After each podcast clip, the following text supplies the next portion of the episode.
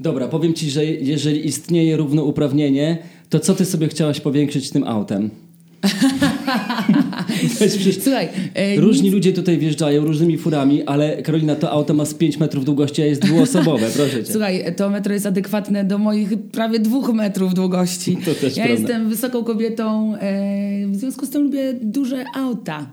Nie, nic sobie nie chcę powiększać. Ja bardzo lubię jeździć, lubię motoryzację, e, bo rozumiem, że chodzi ci też o to, że niektórzy powiększają sobie na przykład ego albo No dokładnie. Rzeczy. A u mnie to jest tak, że ja po prostu lubię jeździć i śmieję się czasami, że jestem blacharą, ale lecę na auta moje, a nie czyjeś.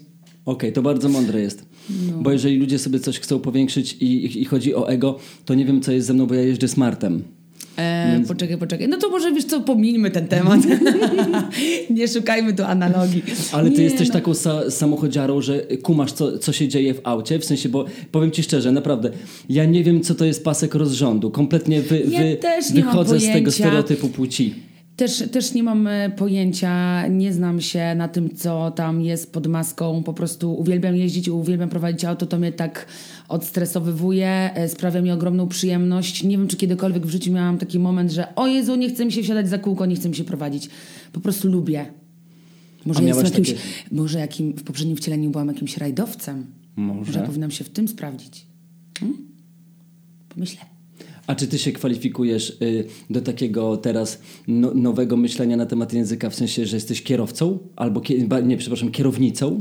Kier, kier, kierowcą, Czy kierowczynią. nie masz nic przeciwko, jeżeli że ktoś się mówi, mówi że jesteś męsko. kierowcą? Tak, nie, tak. absolutnie. Wła- właśnie nie, mi to nie przeszkadza. Bo to nawet czasami tak dziwnie brzmi, jak wymieniamy te zawody przez, em, przez taki rodzaj żeński. Kierow, właśnie, jak byśmy powiedzieli, jestem kierowczynią. Kierownicą. Kierowczynią albo kierownicą, Pani kierownik. Nie, kierowca, kierowca jest spoko, ja nie mam z tym problemu. Okej, bo wiesz co, kiedy y, cię poznałem, to ty chciałaś popracować nad głosem, ale powiedziałaś mi, że y, śpiew śpiewem, no bo też przecież śpiewasz, ale że brzmienie twojej mowy jest dla ciebie bardzo ważne, bo, bo, bo masz program i musisz ładnie brzmieć. Bardzo mi to zaimponowało wtedy, że i od tej strony chciałaś zadbać o siebie w tym.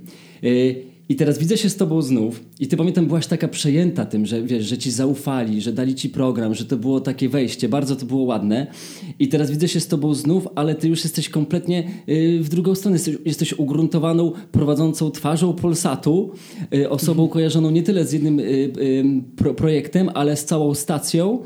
I wszystko wskazuje na to, że to jest wciąż taki twój przystanek. I teraz wiesz, wiesz ile osób chciałoby występować w telewizji? No kurczę, mnóstwo. No wiem, wiem. A ty tak weszłaś i po prostu, i teraz już wiesz, jak równy z równym, i to prawie, że dosłownie, bo 7 centymetrów was różni, y, z Krzysztofem Ibiszem będziesz y, prowadzić pewnie Sylwestra z Polsatem.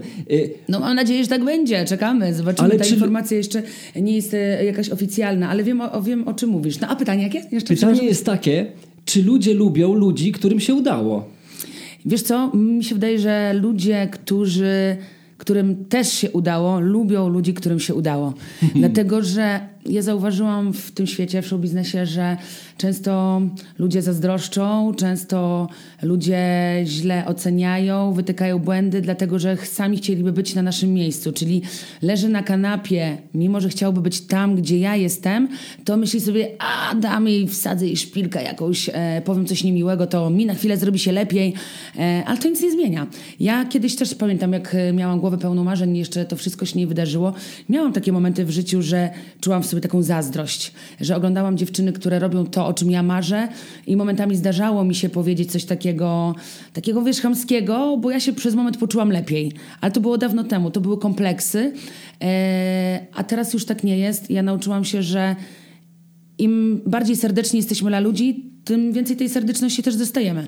Ja jestem za tym, żeby ludzie właśnie się wspierali. To jest może takie proste, co ja teraz mówię, ale tak jest. Ja na przykład, tak jak wspomniałeś o Krzysiu e, Ibiszu, ja z nim jestem w pracy, on mi zawsze pomoże, w nim nie ma takiego, takiej złości, że o, przyszła mało lata do Polsatu i po prostu robi karierę e, i, i to mi się podoba, ja z takimi ludźmi chcę pracować. Niestety też na swojej drodze spotykam ludzi, którzy nie są do końca zadowoleni z tego, że ja tam jestem, e, bo i takie słuchy mnie dochodzą, tylko że wiesz co, ja na to nie patrzę, ja nie szukam nigdy afer, ja się nie kłócę, ja wręcz od tego stronie nawet lubię wyjaśniać, nie lubię mieć wrogów, uważam, że jak jesteśmy w jednej rodzinie, to się wspierajmy, bo to jest też tak, że dla wszystkich jest miejsce, bo naprawdę okazuje. jest dużo tego miejsca. To- tak, to też e, prawda. I wykaż się tym, co ty potrafisz, a nie mów o tym, czego ktoś nie potrafi. Po prostu. I tak. To przewinimy cię do tego momentu, kiedy ty masz wielkie marzenia, pewnie wciąż masz, ale takie marzenia, które jeszcze mm, no, nie zostały tak zrealizowane, jak teraz cię znamy, bo y, oboje jesteśmy z małych miast i przewin się do takiego miejsca, gdzie jesteś jeszcze w swoim rodzinnym Mrągowie. Mrągowie.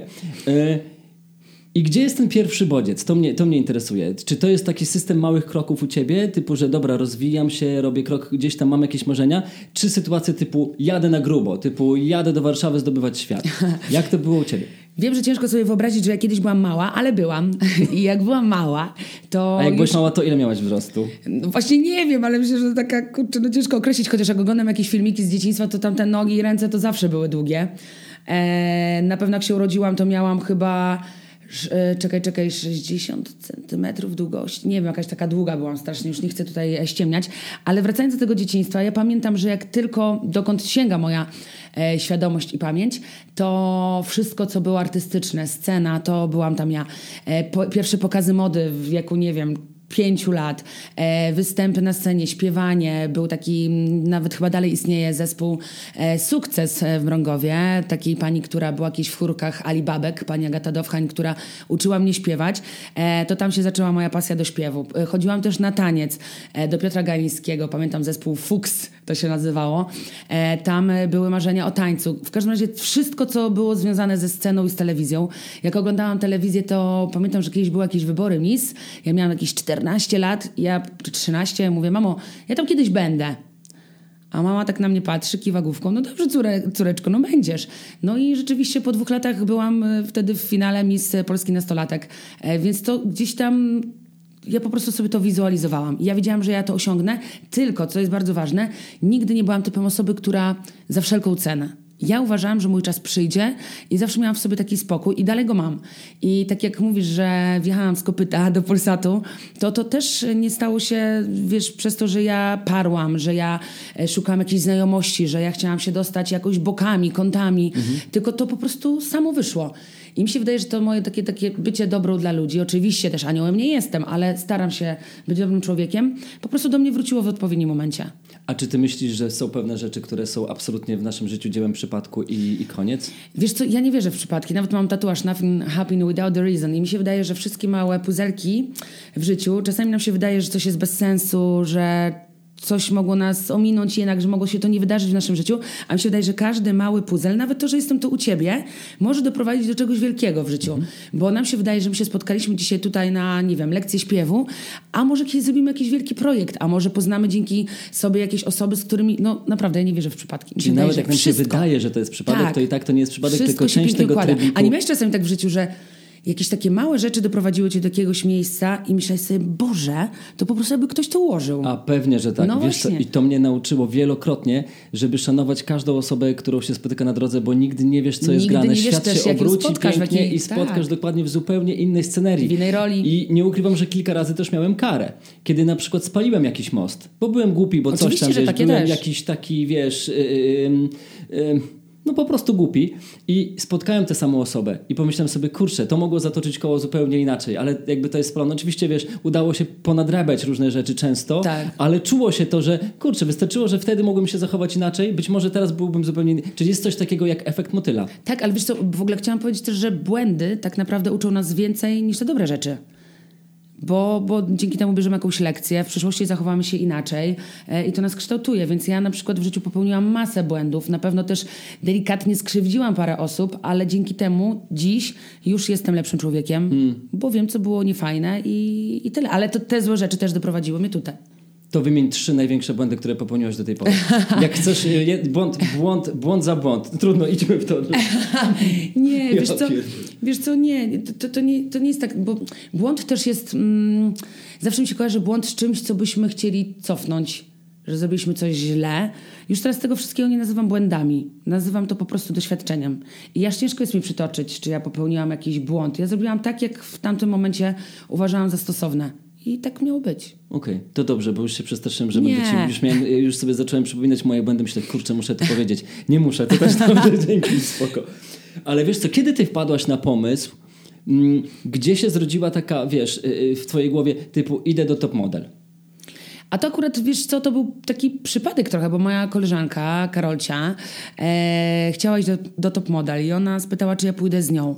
No i tam później padły pomysły, że skoro już pójdę z nią jako osoba towarzysząca, to może też Jako- wezmę poczekaj, udział. towarzysząca? Tak. Okej. To mówię, to skoro już tam będę siedziała z nią cały dzień, to też wezmę udział. I, i tylko, że ja wiedziałam, po co tam idę. Ja nigdy nie miałam tak, że chcę być modelką. Ja też wiedziałam, że może nie mam takich predyspozycji, bo to naprawdę, mo- modeling, wiesz... Tak się mówi, te 90, 60, 90, to w tamtych czasach tak było rzeczywiście, a, a, ja, a ja jakoś mnie w tą stronę nie ciągnęło. Ja wiedziałam, po co tam idę, ja chciałam pracować w telewizji. Ja nawet to na precastingu powiedziałam, e, powiedziałam of, e, oficjalnie, że słuchajcie, jestem ta, tutaj po to, dlatego że ja chcę pracować w telewizji i ja wiem, że ten program może być dla mnie trampoliną. I oni od początku wiedzieli, po co ja tam jestem i, no, i się udało. Bo to jest chyba też coraz bardziej oficjalne, że ten program staje się właśnie taką trampoliną do Wszystkie innych programy, rzeczy. Mhm. wszystkie programy telewizyjne, tam gdzie pokazujemy swoją twarz, to jest moment, kiedy może to może być to początek naszej kariery. Tylko kwestia tego, jak to później wykorzystamy. No dobra, ale patrz, udział w takim programie dla mnie to jest jakaś totalne zmierzenie się z kompleksami, zmierzenie się y, z, no wiesz, z No, wystawieniem się. Tak, absolutnie. dokładnie, na taką krytykę i w ogóle przed taką i dużą ilością e, osób. Oczywiście ja wiedziałam, czego się tam spodziewać. Ja wiedziałam, że usłyszę, że mam za dużo tatuaży. E, wiedziałam, że usłyszę, że może nie jestem aż tak filigranowa, moje ulubione słowo, jak, e, jak modelki powinny być. Mm, ale ja też wiem, że jednak charyzma to jest coś, co nas w tym świecie przebija. I po prostu czułam to w sobie, że dam radę i że udowodnię, że to nie wygląd jest tam najważniejszy. Co było najtrudniejsze wtedy? Wtedy Co czułaś, że to jest taki dla ciebie ry, rytuał przejścia? Taki, że kurde, nie, ja po prostu się ja bałam się tylko jednej rzeczy. Ja bałam się rzeczy, że zderzę się z jakąś opinią, że ktoś mi powie, Karolina, ale co ty tu robisz? Ty się nie nadajesz. Tego się bałam, bo bałam się, że te lata, bo wtedy miałam 25 lat, jak poszłam do tego programu, e, miałam 25 lat i bałam się, że ktoś w tym momencie utnie moje marzenia, które trwają już 25 lat. Tylko tego się bałam. A bałaś się, że ktoś utnie w taki sposób, no taki totalnie definitywny, bo powie, że jesteś za stara? Wiesz, co, tego to już nie. jest jakby dla- dla kariery wieku modelki nie, i tak wieku, pewny- znaczy, wiesz, to sufit. właśnie cały czas, że nie chciałam być tą modelką, nie? Tylko p- chciałam pracować w telewizji. Bałam się, że ktoś oceni mnie, że ja nie nadaję się do telewizji. Tylko tego. A gdzie był ten moment, kiedy ty przyszłaś jako osoba towarzysząca i nagle myślisz, ale... To, to Nie, ja nie, to już było tak, że jak już poproszono mnie o to, to ja już zanim poszłam tam na ten casting, to już pomyślałam, dobra, też wezmę udział. Okej, takie coś. Tak, tak, no. Ale powiem ci szczerze, że nie spodziewałam się wtedy, że to tak się potoczy. Jakie cechy w tobie wtedy zostały docenione oprócz charyzmy, o której mówiłaś? Y, jakie cechy Mhm. zostały we mnie docenione? Hmm. No nie wiem, też taka zawziętość, e, właśnie taka chęć podbijania świata. Oni mówili, że to we mnie aż widać, że to ze mnie aż po prostu promieniowało, że ja chcę i dla nich to pamiętam, że było bardzo ważne. I pamiętam, że już na początku mi wróżyli karierę, że Karna, naprawdę ty zrobisz, odniesiesz sukces. Ty będziesz miała swoje programy, ty będziesz robiła karierę. Więc może po prostu to było widać już, nie wiem, że miałam wypisane na czole. A czy są takie akcje, że celowo się wysyła kogoś do takiego programu, żeby zdobył popularność y, i potem w innej dziedzinie się go ym, widzi i tak? Czy to jest jakby jakiś plan już wcześniej? Wiesz co, mi się, jak czasami obserwuję te programy różne talent, typu talent show, to widzę, że na pewno tak może być. Że niektórzy wysyłają ludzi celowo do jakiegoś programu, żeby wypromować, bo umówmy się, że to jest najlepszy sposób dla młodych ludzi, żeby właśnie włożyć ich e, do, dosłownie do programu, który ma dużą popularność. Więc na pewno takie rzeczy się dzieją. Okej. Oczywiście dawać, dając złudzenie widzom, że to jest naturalna sytuacja, ale jak oglądam pewne programy, to widzę, że tam niektórzy są tak trochę podkręceni. To gdybyś miała teraz się nazwać, to kim jest Karolina Gilon? Karoliną Gilon. Pamiętam, że kiedyś właśnie był problem z tym, że nie wiedzieli, e, jak mnie podpisywać w belkach. Jak byłam gościem w jakimś programie, to Karolina, jak mam cię podpisać? Nie wiem, influencerka, e, prowadząca, e, wokalistka, aktorka. Ja mówię, słuchajcie, wpiszcie po prostu Karolina Gilon. Ten, kto będzie chciał wiedzieć, kim jestem, to po prostu sobie wpisze e, w internecie i sprawdzi. A po co to określać? Ja w ogóle uważam, że nie, nie musimy w życiu określać jaki jest nasz zawód, jeśli mamy kilka pasji. I kiedyś ktoś mówi, dobra, weź się zdecyduj. Ale ja mówię, czemu mam się zdecydować? To ode mnie zależy, czy ja znajduję czas na śpiewanie, na e, aktorzenie, na inne pasje.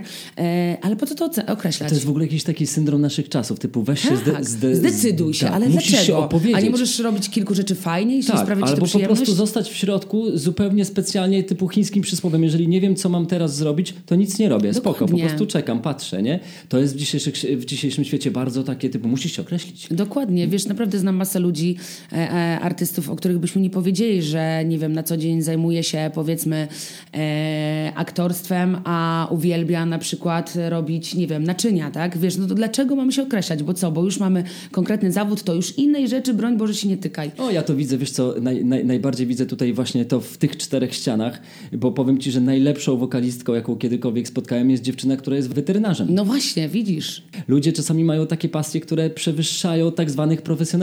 Dokładnie. W tym, nie? Chociaż ja im życzę wszystkim, żeby zrobili karierę właśnie pod kątem swojej pasji, bo też czasami mi jest szkoda właśnie ludzi, którzy, yy, którzy mają naprawdę talent, świetnie śpiewają, ale nie potrafią się wybić. I też od czego to zależy? Może ty mi powiesz, bo tak jest dużo takich osób w naszym kraju, którzy ogląda się ich gdzieś tam w chórkach, ogląda się ich gdzieś tak raczej e, w cieniu, a mają potężny głos i czego im brakuje, że nie robią kariery. No właśnie, To jest ciekawe. To jest bardzo ciekawe. Myślę, że nie ma takiej odpowiedzi łatwej na to, yy, ale rzeczywiście, jeżeli chodzi stricte o sprawy związane ze śpiewem, to dużo osób popada w takie kategorie. I jak już tam wpadnie, to już koniec.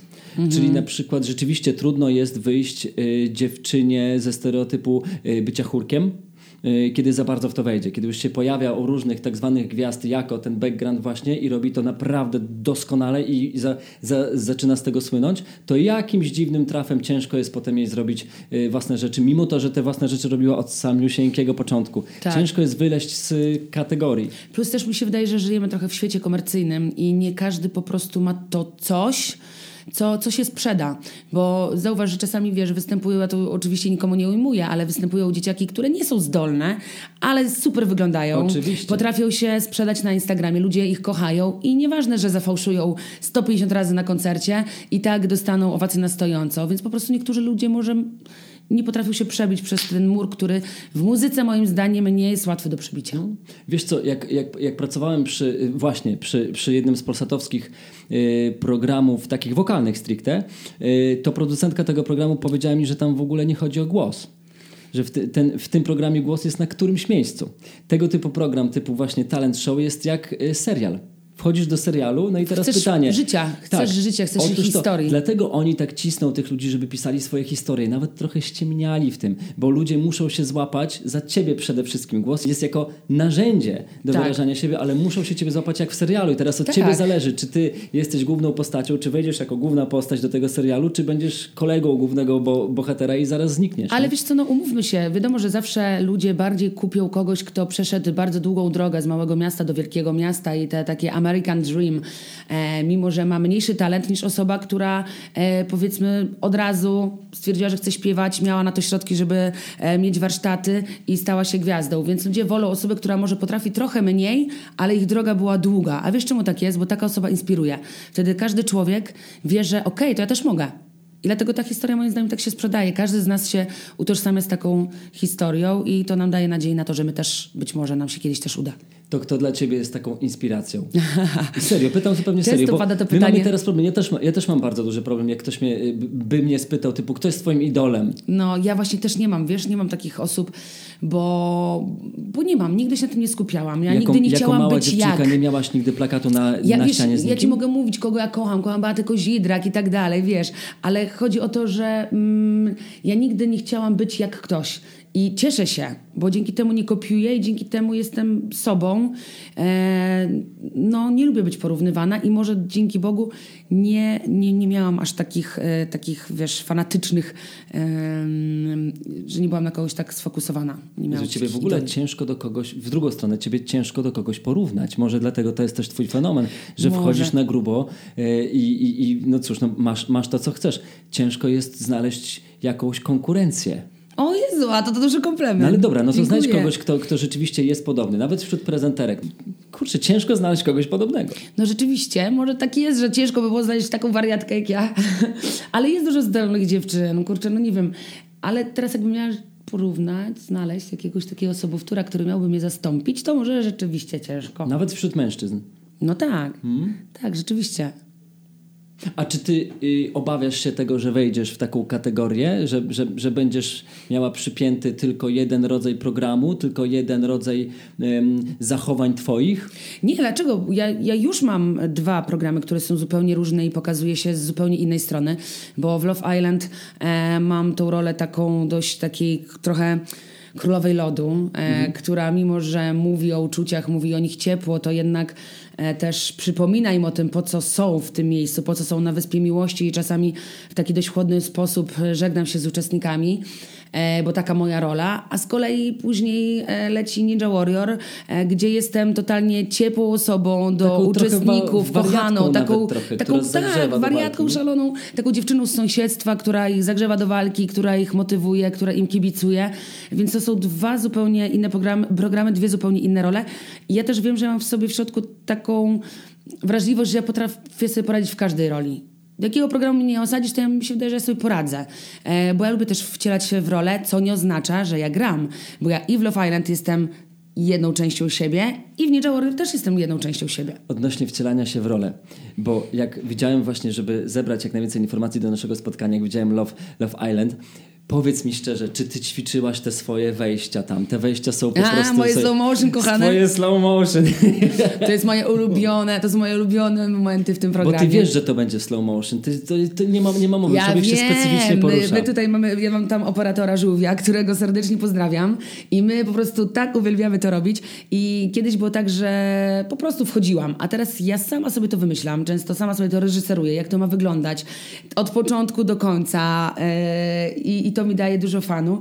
Te wejścia są mocne i one mają bardzo duże znaczenie, bo one budują to takie napięcie, co się zaraz wydarzy w programie. A wiadomo, że jak ja wchodzę, to tam zawsze się coś mocnego wydarzy, e, bo zawsze przychodzę z jakąś informacją, no ale te slow są boskie, no. Ja naprawdę takie lubię. I to nie chodzi o to, że ja na nich jestem, ale one są po prostu, ach, naprawdę, ekipa, która je ze mną robi jest sztosem. Naprawdę, już o tym powstają legendy. Do mnie z Polsatu czasami ludzie piszą, Karyna, wiesz co, od dzisiaj do pracy wchodzę tak, jak ty w ostatnim odcinku. Kiedy pracowałem przy polsatowskich programach, byłem na uroczystościach kończących dany sezon programu. I podczas takiej imprezy wszyscy producenci, wiesz, te grube ryby, yy, nagle stają się małymi rybkami, leszczami i po prostu takimi filetami, bo nagle pojawia się Don Corleone, czyli Nina Terentiew. I to jest ogromna chryzma i cóż też strach, bo każdy po prostu chodzi jak na szpilkach. Yy, I teraz jak cię znam, to ty musiałaś ująć sobą też yy, szefową Polsatu. Powiedz mi o swojej pierwszej rozmowie o pracę. E, no, pani Nina rzeczywiście wzbudza taki respekt. E, ja pamiętam, jak dostałam zaproszenie na spotkanie z panią Niną, no to, to miałam stresa. Nie wiedziałam, co ja usłyszę, nie wiedziałam, jak to spotkanie będzie wyglądało, a wiedziałam, jak dużo od tego spotkania zależy. Ja muszę być sobą, ja tam wjeżdżam po prostu jako Karolina Gilon. Też widzieli mnie na nagraniach takich próbnych, na takim jakby castingu. E, widzieli też moją pracę wcześniejszą, więc wiedzą z kim mają do czynienia, więc czemu ja teraz mam iść tam i strugać kogoś, kim nie jestem? Właśnie chyba z tego powodu, że jestem taka, jaka jestem, e, wejdę do tego biura e, pani Niny. No i weszłam i było bardzo miło. I usłyszałam właśnie takie coś, Karolina, ty byłaś jak taki diabeł, który mi wyskoczył z pudełka i po prostu pff, to było to. I to, to był dla mnie ogromny komplement. Pamiętam, że zostałam zapytana o tatuaże.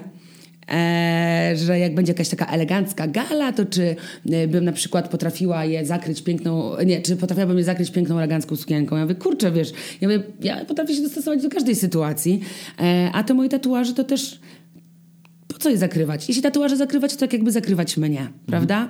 I zauważ, że w, w Polsacie nikt, nikt w ogóle nic z moich to tatuaży prawda. nie ma. Są eksponowane, są częścią mnie, e, więc cieszę się, że mogę być tam sobą i cieszę się, że w ogóle tam naprawdę, i to teraz nie jest tak, że o, bo wiem, że ludzie będą tego słuchać, naprawdę Polsat jest taką rodziną, że ja się czuję tam swobodnie.